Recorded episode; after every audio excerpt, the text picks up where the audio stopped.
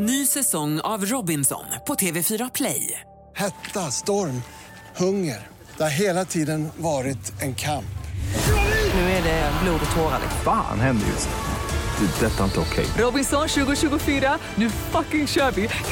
Streama söndag på TV4 Play.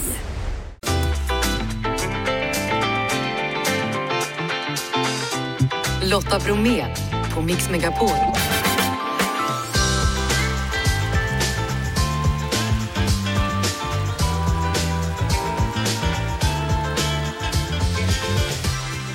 Hallå där och varmt, varmt välkommen till oss i dagens torsdagsmix. Självklart så blickar vi fram emot imorgon och kvartsfinalen mot Japan. Vi hör svenska fotbollsfans på plats för att heja fram damerna och Rickard Henriksson, han gästar oss efter klockan 17. Stockholm är utsedd till årets europeiska mathuvudstad. Hur går det egentligen med våra nationalrätter och rätterna från de olika landskapen och allt det andra? Det blir också streamingtips och senaste nytt om bensinpriserna. Och strax ska vi höra om Comedy Carnival. Det är Magnus Bettner bland annat som leder den här humorkaravanen. Jag säger som vanligt, är ni klara? Jeff? Ja. Janne? Jajamän! Då kör vi! Eh, I sommar så är det ju flera artister som är ute och turnerad, men, turnerar, men så också komiker. Eh, cirkusdirektör kan man säga nästan, för en turnerande standup-upplevelse under namnet Comedy Carnival är nämligen Magnus Bettner. Hallå där! Hej, hej. Hur har sommaren varit? Eh, den har varit som det brukar. Sämre än man tror. Ja, Det är eh, inte alltid så. ni är ju ett helt gäng som är ute och turnerar. Turas ni om varit eller hur kör ni? Eh, vi kör 20 minuter var. Vi är fyra pers varje kväll. Mm. Så, eh, 20 minuter var, ingen paus. Eh, fullt ös från början till slut. Och bland annat då Schyffert, Messiah Hallberg, Jonathan Unge, Ina Lundström och eh, Petrina Solange. Eh, hur bestämde ni att ni skulle göra det här, den här humoristiska karavanen? Eh, det har snurrat lite olika sommarturnéer i olika konstellationer. Och så var vi ute för två år sedan, jag, Henrik Nyblom och eh, Carl Stanley. Och så hade vi så himla kul så bestämde vi att då gör vi det igen. Så blev det delvis ett annat gäng den här gången. Men det är väldigt roligt att få åka på en sån sommarturné. och Träffa lite folk som man aldrig hinner träffa annars och gå ut och jobba tillsammans. Så där. De flesta av oss har ju egna turnéer resten av året. Så då är man ju själv oftast. Eh, Sist du och jag träffades då spelade vi poker. Är det något ni sysslar med medan ni väntar och transporterar er mellan platserna? Nej, det är ingen idé. De andra är för dåliga. vet. Ja, ja, ja, du får spela med mig då så småningom när du är tillbaka i Stockholm. Ja. Du, när du gör show så är det ju inte copy-paste, du skriver alltid nästan bara nytt material va? Ja, inte alltid ska jag inte säga. Men jag skriver väl mer än de flesta andra komiker, det gör jag. Ja, vad har varit roligast eller lättast att eh, skämta om den här sommaren? Eh, ja, men just nu är jag inne i en fas där jag pratar mest eh, personliga grejer. Eh, det går lite upp och ner för mig sådär. Ibland är det mycket aktuella händelser och ibland är det mest eh, eget upplevt. Just Mm. nu är jag mer, i den fasen. Det är Västerås idag, Örebro imorgon och sen så är det Skövde då på lördag. Det är full fart du. Mm, det är full fart. Sen har vi stor final på Skansen 25 tror jag. 25 Att det- augusti, ja precis. Eh, stämningen i turnébussen då när ni åker runt, skämtar ni eller sitter ni inneslutna i er själva? Henrik Nyblom sitter med tre ukuleles, ett piano och eh, spelar låtar och målar en tavla samtidigt Wow. oftast. Eh, så vi andra får liksom vara med på Henrik Nybloms show alldeles gratis hela dagarna. Det är Mm. underbart. Ja, det är bra. Du, eh, kul att prata med dig Magnus och lycka till då de kvarvarande datumen. Tack snälla.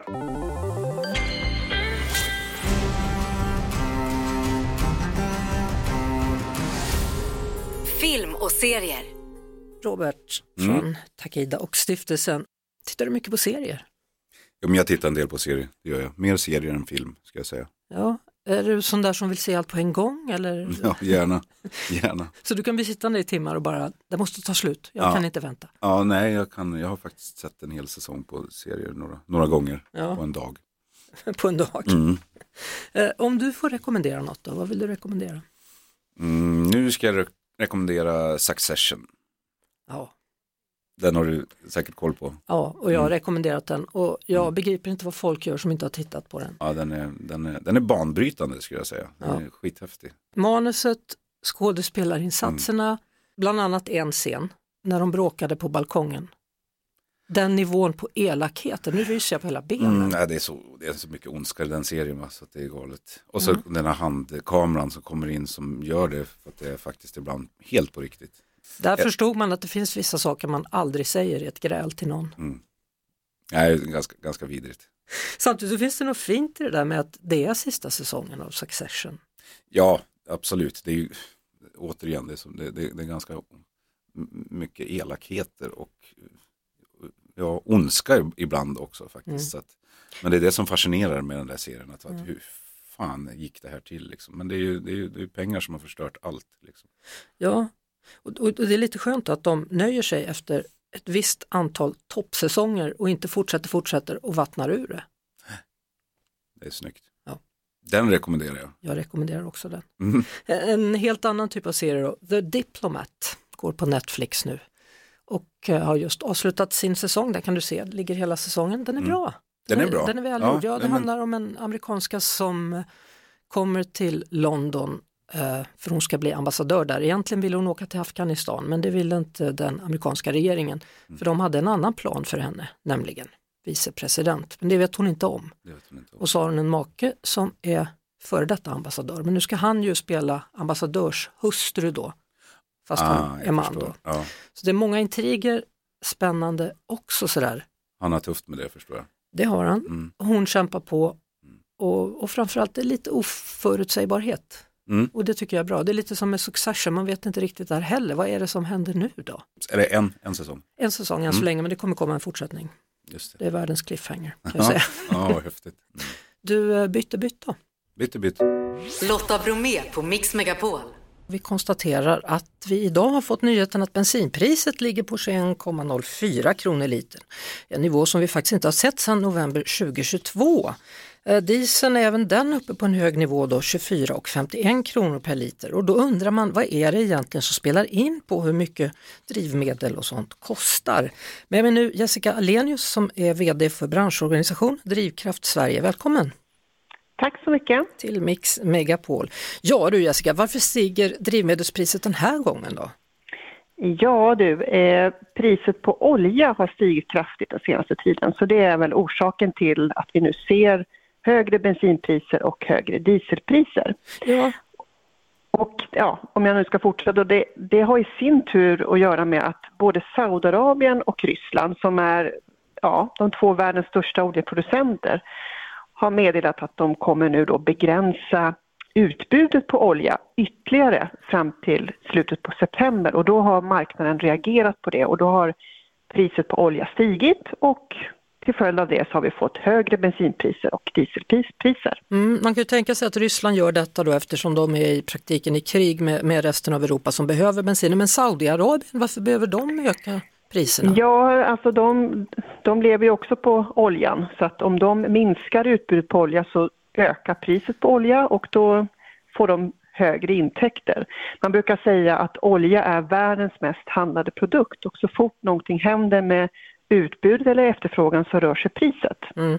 Eh, Det sägs ju ofta då att Sverige har dyrast bensin i världen men så är det ju inte riktigt när man tittar på statistiken. Nej, det är helt riktigt. Bensinpriset, där ligger vi i, ja, vad ska man säga, i stort sett i, i relation till de andra nordiska länderna och eh, norra Europa. Det är klart vi har lite högre bensinpriser än sydeuropeiska länderna. Ja. Däremot så har vi haft eh, dieselpriser som har varit betydligt högre än, än våra motsvarigheter. Ja, det är väl bara norrmännen där som kan hålla en lite lägre pris. De har ju hur mycket olja som helst. Så de... Ja, nu är det ju, nu är det ju eh, marknaden som, som bestämmer priset så att, så att eh, det, det, det, det är svårt att, säga att ett land kan gå in och bestämma ett bensin eller dieselpris utan det här sköts ju på en global marknad. Mm. Eh, Men, men priset i sig beror ju på, en, på komponenter och, och här kan ju länderna agera utifrån vad man har för skatteverktyg exempelvis. Mm. Hur, hur mycket har den här reduktionsplikten som alltid diskuteras, hur mycket har den spelat in sedan den infördes 2018?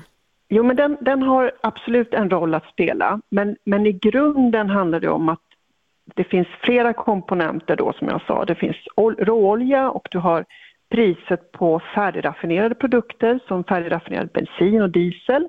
Du har valutaeffekterna, det vill säga kronans relation till dollarn eftersom vi handlar olja i dollar. Och vi har ju nu historiskt sett en ganska låg eller svag valuta. Sen har du priset på biodrivmedel som också har liksom ökat till följd eller på grund av kriget.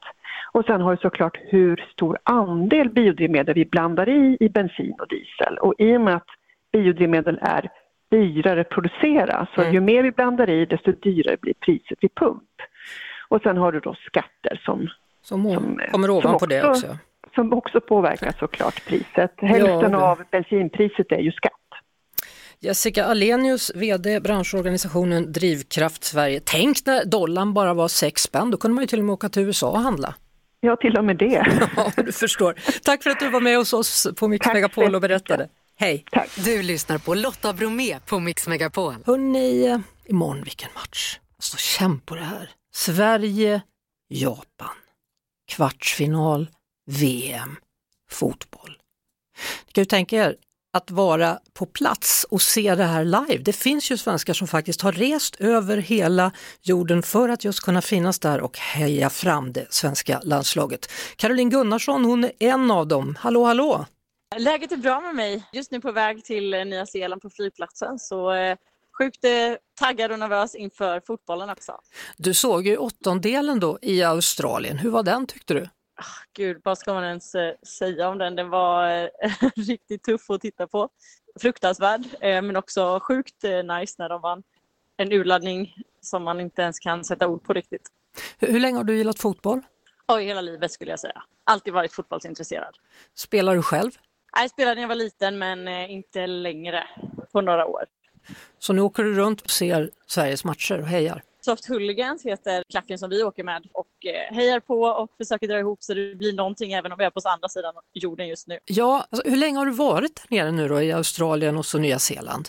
Vi kom hit eh, dagen innan andra gruppspelsmatchen så det var väl 25 någonting kanske, juli. Så vi har följt eh, mästerskapet sedan dess. Vi började i Wellington, Nya Zeeland och sen så tog vi bil till Hamilton och sen så flög vi till Melbourne och nu tillbaka till Nya Zeeland för att se kvarten då. Du, hur långt framåt har du planerat? Alltså, har ni planerat en eventuell final? Eh, Vi har planerat en eventuell final. Eh, Vi har planerat för att kunna lägga om planen om det blir en eventuell bronsmatch. Så vi, vi kommer vara kvar tills hela mästerskapet är slut.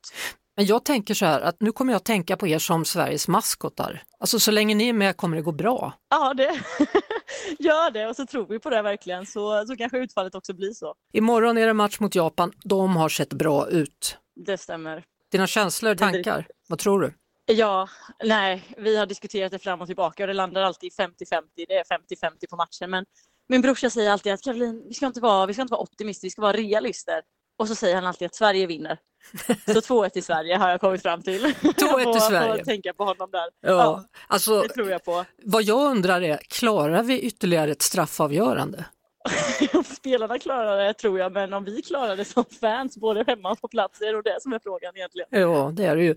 Bästa hejaramsan, vilken är den? Vi är svenska fans allihopa. Vi är svenska fans allihopa. Vi är svenska fans allihopa. Vi är svenska fans allihopa. Du, eh, Vi är svenska fans allihopa. Perfekt. ja, du eh, jag tror att med hjälp av den ramsan så kommer det gå bra imorgon mot Japan.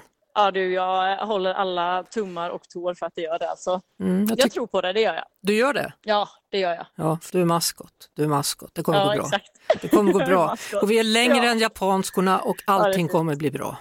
Ja, herregud, jag blir så nervös bara jag tänker på det. Men det, ja, vi, får, vi får hålla tummarna och tro på det bara. Ja, och en grej som är viktigt att komma ihåg är att vi har ju världens bästa målvakt. Ja, kära tid. Hon är ju helt, helt otrolig i mål. Och så Rolfe kom igång och sen har vi Ilestedt och ja, jag tror på det, det gör vi. Ja, men det är bra.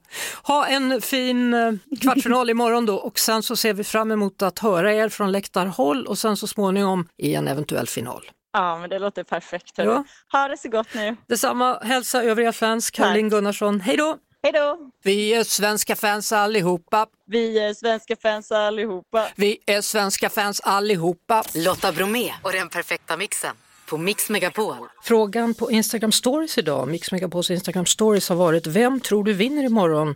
Sverige 90% Japan 10% Janne, är det realistiskt? Nej, det är verkligen inte. Det är, det är många som röstar med hjärtat där tror jag. Ja, alltså jag blir nervös när jag ser sådana siffror. Så känner jag bara, gud vad ni kommer bli besvikna. Alltså, alltså Japan är nästan det bästa laget hittills. Ja, verkligen. De höll ju nollan också i hela gruppen så att Oj, de är oj, inte oj, lätta oj. att, att spräcka nollan på. Så att säga. Ja, däremot då, eh, om man kommer se matchen imorgon eller inte, såklart säger 65 procent kul. Mm. Ja.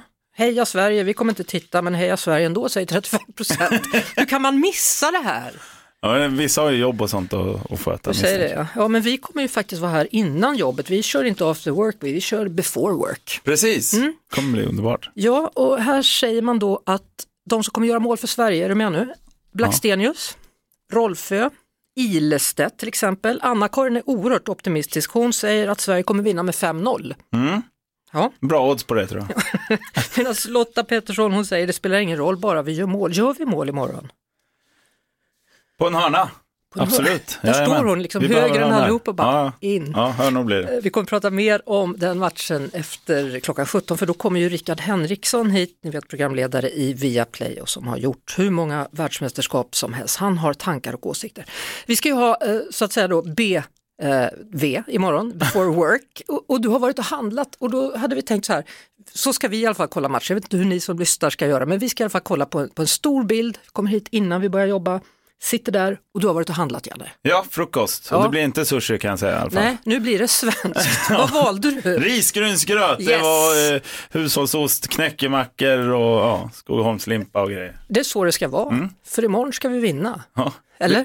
Vi får alla vara lite som eh, Caroline Gunnarsson som du pratade med hela tiden. Hans, hennes man sa ju, vi ska inte vara eh, optimistiska utan realistiska. Ja. Sverige vinner. Exakt så är det. Lotta Bromé på Mix Megapol. Nu är det dags att hälsa dagens nästa gäst välkommen, Rickard Henriksson, tidigare Radiosporten och numera programledare på Viaplay. Kul att ha dig här. Tack så mycket, kul att vara här. Ja, hur var det att byta arbetsplats? Omställning var exakt ett år sedan. Eh, Ja, det vet ju du Lotta. Radio och tv är lite lika men på många sätt annorlunda också. Så på så sätt eh, utmanande och entusiasmerande. Jag trivs Mm. jättebra. Om man vill se matcherna utan reklam då kan man ju göra det via Viaplay då och så här lät det i söndags.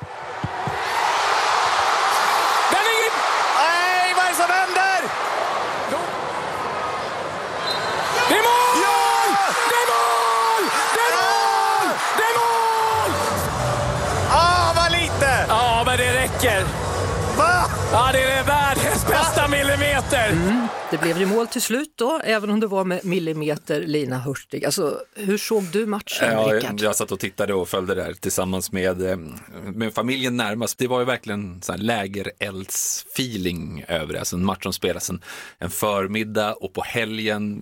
Man märkte att hela kvarteret var med och det tror jag många känner igen sig i. Och när de där bilderna då kablas ut på när, när Lina Hurtig jublar och så kommer bilden upp med millim, ja, halva millimeter eller någonting att bollen är inne så var det som att vi alla bara stod upp och, och skrek verkligen. Det är Ja. för mig mästerskapsfotboll när det är som bäst. 32 lag, 32 länder för första gången då vad gäller damfotboll. Hittills har det varit en del överraskningar ändå från de så kallat mindre nationerna. Håller du med? Exakt så. Fotbollsvärlden på damsidan växer. För bara något eller några år sedan var det ju otänkbart att ett lag som Colombia skulle kunna besegra Tyskland. Åh världsmästerskap. vad jag hejade på Colombia den matchen kan jag säga. Jag tror att det var kanske 80 miljoner tyskar som hejade på Tyskland. Resten höll ju på Colombia av så många anledningar. Det är ett väldigt charmigt lag. Det var ju många, och jag kan räkna mig in som en av dem, som var, jag ska inte säga kritisk, men tveksam när Fifa gick ut med att vi ska eh, utöka det här till 32 lag VM. Eh, jag trodde att det skulle finnas en risk för att det just var lag som kom dit och var slagpåsar. Kul att ha fel ibland va? Kul att ha fel och eh, som sagt, eh, jag tror framförallt också man ska, och det är viktigt att säga att det är inte så att Colombias förbund eller Jamaicas eller Marockos har satsat på sina damlandslag. Man ska inte lura sig till det, utan de som är hjältarna här, det är spelarna i de lagen som trots de, ja, om vi tar i perspektiv det svenska landslaget, obefintliga förutsättningar som de har, att de presterar på det sättet de gör. Du har twittrat ut då, eller exat ut, en lista där du tog den svenska startuppställningen och så kollade du in vilka som toppade Billboardlistan för respektive spelare. Han brukar göra det, både herr och damlandslagen, på X-plattformen, mikrobloggen X. Svenska startelvan, just när den kommer, men då den låt som toppar toppade det datumet som respektive spelare föddes. Mm. Din karriär då Rickard, vad består den i egentligen? Du har varit fotbollsspelare. Jag har spelat fotboll på elitnivå, vunnit SM-guld med min moderklubb Djurgården, eh, spelat i u landslaget alltså varit en habil, duktig allsvensk spelare, varit och spelat i den danska ligan och ingen stjärna på VM-nivå som vi pratade om här tidigare, men, men ändå en, en duktig fotbollsspelare, alltid varit väldigt fotbollsintresserad, alltid varit intresserad av media och journalistik och sen efter att jag i ganska ung ålder la av att spela fotboll, då blev jag på heltid då fotbollsexpert på Radiosporten och på Sveriges Radio, vilket ju också sen var ett eh, engagemang som, som växte ganska mycket. Jag tänker på det att en bidragande orsak till att du lämnade Radiosporten måste ju vara att du har blivit programledare i Viaplay då för Premier League-studion. Och ni kör igång imorgon! Ja, det är mycket förberedelser, vi är oerhört taggade. Mitt i all den här VM-yran så drar ju också då världens bästa fotbollsliga på här sidan igång. Premier League fredag, lördag, söndag och måndag. Vi har talat om det lite grann tidigare i programmet, det här med att Saudiarabien nu satsar på sin Saudi Pro League och förutom då sådana som Benzema, Ronaldo, Kanté, sådana som kanske har liksom gått ut bäst före-datum, så kommer det också andra som faktiskt fortfarande är högst verksamma. 26-årige portugisen till exempel från Wolverhampton, Ruben Neves och också Mares. Mm. Riyad Mahrez från Manchester City som ju Ja, han är inte stjärnan i City, men han är ju en liksom bärande och viktig spelare som Oj, de säkert hade velat ha kvar. Nej, det här är speciellt. Alltså, den saudiska satsningen för det här är ju uppbackat av den saudiska staten. Det är någonting för hela fotbollsvärlden att förhålla sig till att den aktören kommer in på eh, kartan och då kan hämta spelare som, precis som du var inne på Lotta, det finns ju det som är äldre spelarna som kanske vissa Premier League-lag, om vi håller oss till Premier League, gärna blir av med. Det gör ingenting att den här spelaren som är ganska dyr, som är kanske over the hill vad gäller karriären, går till Saudiarabien. Men när nu Saudiklubbar faktiskt börjar konkurrera om spelare som Ruben Neves som du var inne på i Wolverhampton, det är en nyckelspelare för dem som de gärna hade velat ha kvar. Och det har vi inte sett på många år, att de engelska Premier League-lagen ekonomiskt inte kan konkurrera ut någon som kommer utifrån. Så handlar det här också då om sportswashing? Ja, klockrent. Jag kan tänka mig, Saudiarabien ser framför sig att om några år då kommer nog den här idén om en superliga komma tillbaka. och då kanske man vill göra den större än bara Europa och kan Saudiarabien då dels gå in med pengar och dels säga att här har vi två lag som är fullt av världsspelare. Vi vill vara med, då kommer de ha lättare att få igenom det. Det kan jag se som en prognos. Mm. Nu kör alltså Premier League igång då. Vilket lag vinner i år? Jag säger Manchester City för Manchester City. De har det bästa laget, de har vunnit fem av de sex senaste. Vinner de den här säsongen City, då blir de också historiska då är de första lag någonsin, alltså sedan den engelska ligan drog igång där på 1800-talet, att just vinna titeln fyra år i följd en historisk era i så fall. De har det bästa laget, de har Erling Haaland, de har Pep Guardiola som tränare, vilket jag tror är jättebra just i den sitsen som City är. Det vill säga, det finns ju en farhåga för att de kanske är mätta. De vann allting som gick att vinna i stora tittar förra säsongen, även då Champions League och FA-cupen.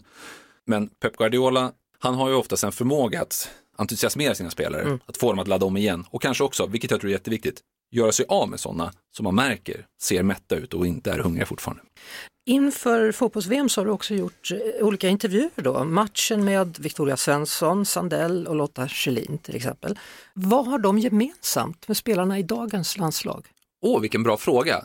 Ja, det man kan säga om de alla spelarna som jag har gjort den här programserien med, en match med, de är sådana som har varit, för de har ju alla lagt av nu, varit på högsta nivån, spelat stora matcher för både klubblag, landslag.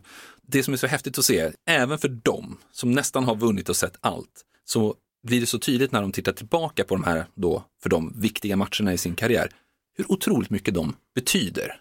Och det som de har upplevt, de spelarna, och det som jag vet att spelarna som imorgon ska möta Japan också såklart är medvetna om, även om alla idrottspersoner ju alltid pratar om liksom, ja men det är här och nu, och ja du vet, det här klassiska, det är, ja precis, där har du superklyschan.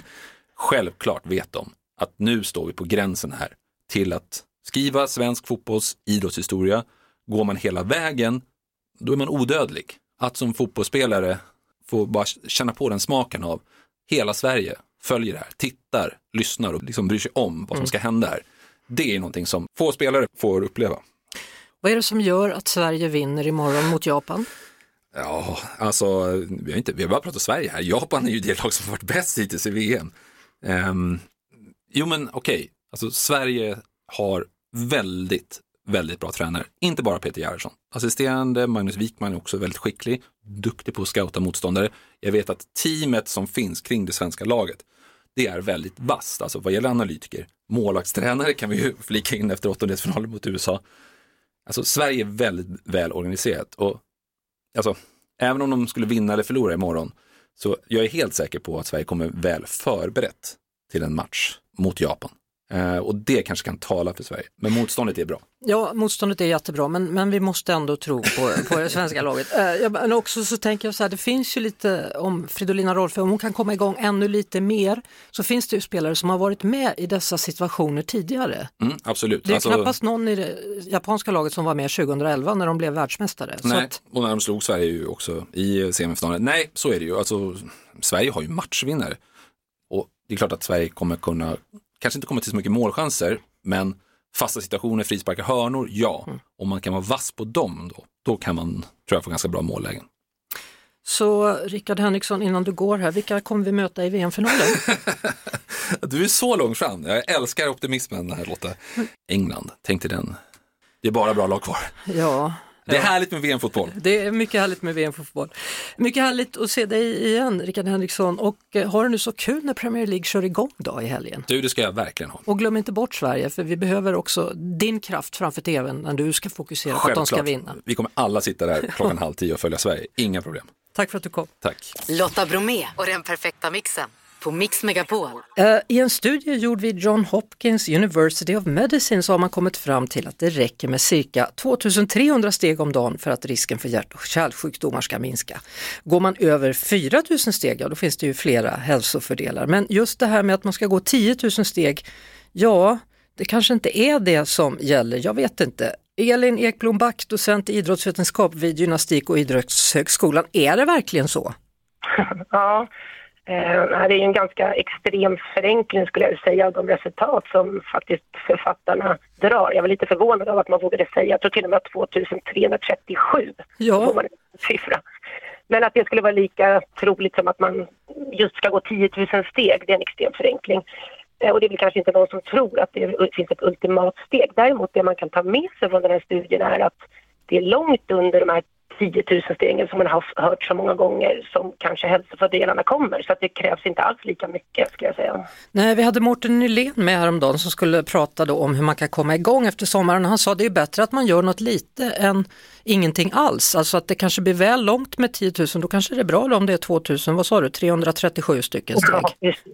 ja men absolut. Jag menar, tittar man på alla rekommendationer, både svenska och internationella, så säger de gör någonting. Det är bättre än ingenting och det är första steget och allt är lättare när man känner att det är trögt att komma igång helt enkelt. Mm. Vad är det som händer i kroppen då som gör att det är bra för oss att gå? Ja, men det, är, det är ju ganska mycket. Det är ju skapta för att röra på sig. En del händer faktiskt direkt efter ett pass. Och speciellt om man har kommit upp lite i puls och gått lite raskare. Så till exempel blodsocker och blodtryck kan faktiskt ganska snabbt få en effekt. Speciellt hos den som har lite högt blodtryck. Många gånger glömmer man också bort kanske måendet. Man mår lite bättre, man känner sig liksom bra med sig själv, att man har rört på sig, man blir lite tröttare och, och sover väl. Så att, och sen är det de här långa måtten som vi pratar om i den här studien, då, att man mindre risk att få en hjärt-kärlsjukdom eller dö i en hjärt-kärlsjukdom, men det är ju på många års sikt skulle jag säga. Mm. Så vad tycker du vi ska tänka på? En del gåstavar var ju populärt för några år sedan, en del fortsätter med dem, andra gör powerwalk och då rör man också armarna samtidigt som man promenerar. Vad, vad är ditt tips? Ja, alltså, jag menar, det, det låter ju lite så här äh, schablonmässigt, men det är ju egentligen det man själv tycker är roligast att komma igång. Gåstavar är ju till exempel ett sätt för folk som är lite rädda för att gå och kanske falla och så. Att kunna våga ta sig ut överhuvudtaget, eller Mm. som du säger, att även använda överkroppen. Då får man ju faktiskt en extra träning, inte bara för musklerna utan hjärtat blir extra belastat. Så att det är ett jättebra alternativ skulle jag säga. Men återigen, den här studien och många andra har ju visat att det kanske inte krävs extremt mycket. Däremot var det också intressant att mer var också bättre. Så att det är inte bara så att göra någonting och sen behövs det ingenting mer, utan gärna lite mer om du kan. Ja. Men en, en start är det viktigaste om man säger så. Och framförallt gör någonting. Ja, exakt. Ja. Tack så mycket för den här gången Elin Ekblom Back. Tack, tack. Lotta Bromé och den perfekta mixen på Mix Megapol. 2023 är ett stort år. Inte bara på grund av att Sverige firar jämt och kungen har suttit så och så länge. Det är också Europas mathuvudstad, Stockholm har blivit valt till detta. Vi har ju hört tidigare i programmen då om de olika landskapsrätterna, men det är ju massor med mer som händer, inte bara i huvudstaden utan i hela matlandet Sverige. Välkommen hit Charlotta Ranert som kommer från European Capital of Gastronomy. Tack så mycket. Engelskt ska det vara. Ja, det är fint. Det är ju internationellt. Ju. Ja, hur känns det? Hur har året gått hittills? Ja, men det har ju varit en eh, otroligt fin uppslutning. Det känns ju som att, att få den här utmärkelsen att bli Europas gastronomiska huvudstad har liksom samlat branschen och det har ju varit en sargad bransch efter tre år med covid. Men det här har ju varit någonting väldigt positivt. Mm. Eh, jag nämnde ju det där om, om de här landskapsrätterna då, vilken succé det har blivit. Ja, det är ju helt otroligt. Mycket, mycket större än någon hade kunnat föreställa sig. Och det här att kungen åker runt i Sverige och äter landskapsmåltider, det är ju helt otroligt. Ja, 25 landskapsmåltider då plus en extra för Stockholm som var korv. Ja, precis. Korv som man äter med en vit handske som etablerades under världsutställningen. Mm. Eh, annars så har det ju varit flera utställningar och så vidare. Då. Det finns en ölutställning till exempel som faktiskt pågår ända fram till den 30 oktober på Spritmuseum. Det stämmer. Eh, vad händer mer? Ja, men det händer ju hur mycket spännande som helst. Om man kikar nu liksom, vad som händer närmast i kalendern så har man till exempel en surdegsskiva på Sturehof. Jättekul med surdegsströmming. Eh, sen i, i, september så har vi öl och whiskyfestivalen eh, i Stockholm som är nere på Stadsgården. Eh, med ett hundratal utställare, mycket stor uppslutning från amerikanska mikrobryggerier. Så är man liksom inte i öl och whisky så är det ett måste. Sen har vi en ny aktivitet på Djurgården. Eh, vi har Äpplefesten. Ehm, det finns ju cirka 240 äpplesorter i Sverige. 120 av dessa odlas faktiskt på Djurgården. Eh, så där blir det bland annat Äpplemarkarna bakom Nordiska museet inne på deras bakgård och Monica Ahlgren på Tilska, hon serverar 20 olika äpplekakor. Du förstår. Alltså så spännande va? Eh, när vi hörde talas om det här från början då eh, så talades det om att det skulle komma kockar utifrån Sverige och komma till Stockholm och ha gästbesök. Mm, det, har vi också. Ja, men det har vi också genomfört. Vi hade precis innan midsommar hade vi gästspel från eh, Kai i Galway som är en Michelin-restaurang med en grön Michelinstjärna som kom och gästspelade på Söder. Så det har, det har vi också haft minsann. Mm, härligt! Hur, hur viktigt är det att ha en, en sån här titel på en stad? Vad betyder det? det betyder ju någonting rent liksom kommunikativt internationellt att man får den här utmärkelsen men också som en förenande kraft. För jag menar det är ju inte en restaurang eller en Michelinkrog eller Micelinkrogarna som skapar en gastronomisk destination utan det är ju alla tillsammans. Hur, hur står sig Sverige då som, som en gastronomisk destination i världen? Ja men alltså det har ju, det är ju klart att nu har ju många krogar stängt och Michelinkrogar har ju stängt och det har ju varit liksom en massa anledningar till det. Men om man tittar på den innovationskraften som finns i Sverige och i Stockholm speciellt så tycker jag faktiskt att vi står oss väldigt starkt. För om man tittar på allt som händer just nu med nyetableringar över stan, slakthusområdet som etablerar sig som en ny gastronomisk hubb, hela Slussen som växer fram med enorma satsningar, gondolen som öppnas igen, så tycker jag att Stockholm är i framkant i Europa. Mm. Sen är det också så att så småningom kommer det att hållas ett forskarseminarium i Sverige eh, på universitetet. Bara det är ju spännande när det kommer forskare från hela världen och då pratar man mycket om framtidens mat. Ja, precis. Det kommer ju vara en eh, forskningskonferens i slutet av november och eh, den 13 november så samlar vi hela branschen i Stockholm just med fokus på framtiden. Ja, vad, vad, tänker du då? När jag säger framtiden till dig, mm. vad ser du framför dig, du som jobbar med det här dagligen? Ja men alltså framtiden, vi måste samarbeta, man måste jobba tillsammans. Man måste tänka liksom utifrån återväxt och regeneration och hållbarhet och innovation. Och, och det kan man inte sitta och göra på sin kammare utan collaboration, samarbete, det är allt. Sen har vi ju då givetvis eh, måltidens dag den 19 oktober och då är det soppor som gäller, det vet vi. Och sen också under hösten är det bokmässa och då är det årets kokbok. Alltså det finns mycket. Och sen årets kock, det är jubileum i år va? Yes, det är jubileum, det är 40-årsjubileum. Och jag menar såklart att fira det med Jessie Sommarström som förra årets vinnare. Det kommer bli ett jättestort evenemang där. Mm, och då är väl prinsen med som vanligt och ja, provsmakar? Ja, det stämmer nog. Prins Carl Philip. Ja. Eh, stort tack för att du kom hit och berättade och lycka till vidare då med årets eh, huvudstad vad gäller gastronomi. Tack så mycket. Charlotta Ranert. Hörni, imorgon så ska vi ha kräftskiva. Det blir ju fredagshäng. Det blir det med Helena Bergström, Kristina Möller och Daniel Paris som bland annat ska berätta vad han egentligen hade för sig uppe på Kebnekaises topp. Ni har väl säkert läst, läst de senaste rubrikerna därifrån. Vi vet mer imorgon. Eh, vi som säger tack för idag är Jeanette, Janne och Lotta samt vår producent Jeff Neumann. Fortsätt lyssna på Mix Megapol och vi hörs imorgon igen efter fyra. Heja Sverige! Heja Sverige, herregud! Ett poddtips från Podplay. I podden Något Kaiko garanterar östgötarna Brutti och jag, Davva, dig en stor dos skratt. Där följer jag pladask för köttätandet igen. Man är lite som en jävla vampyr. Man har fått lite blodsmak och då måste man ha mer. Udda spaningar, fängslande anekdoter och en och annan arg rant. Jag måste ha mitt kaffe på morgonen för annars är jag ingen trevlig människa. Då är du ingen trevlig människa, punkt. Något Kaiko, hör du på Podplay. Därför är gardinerna.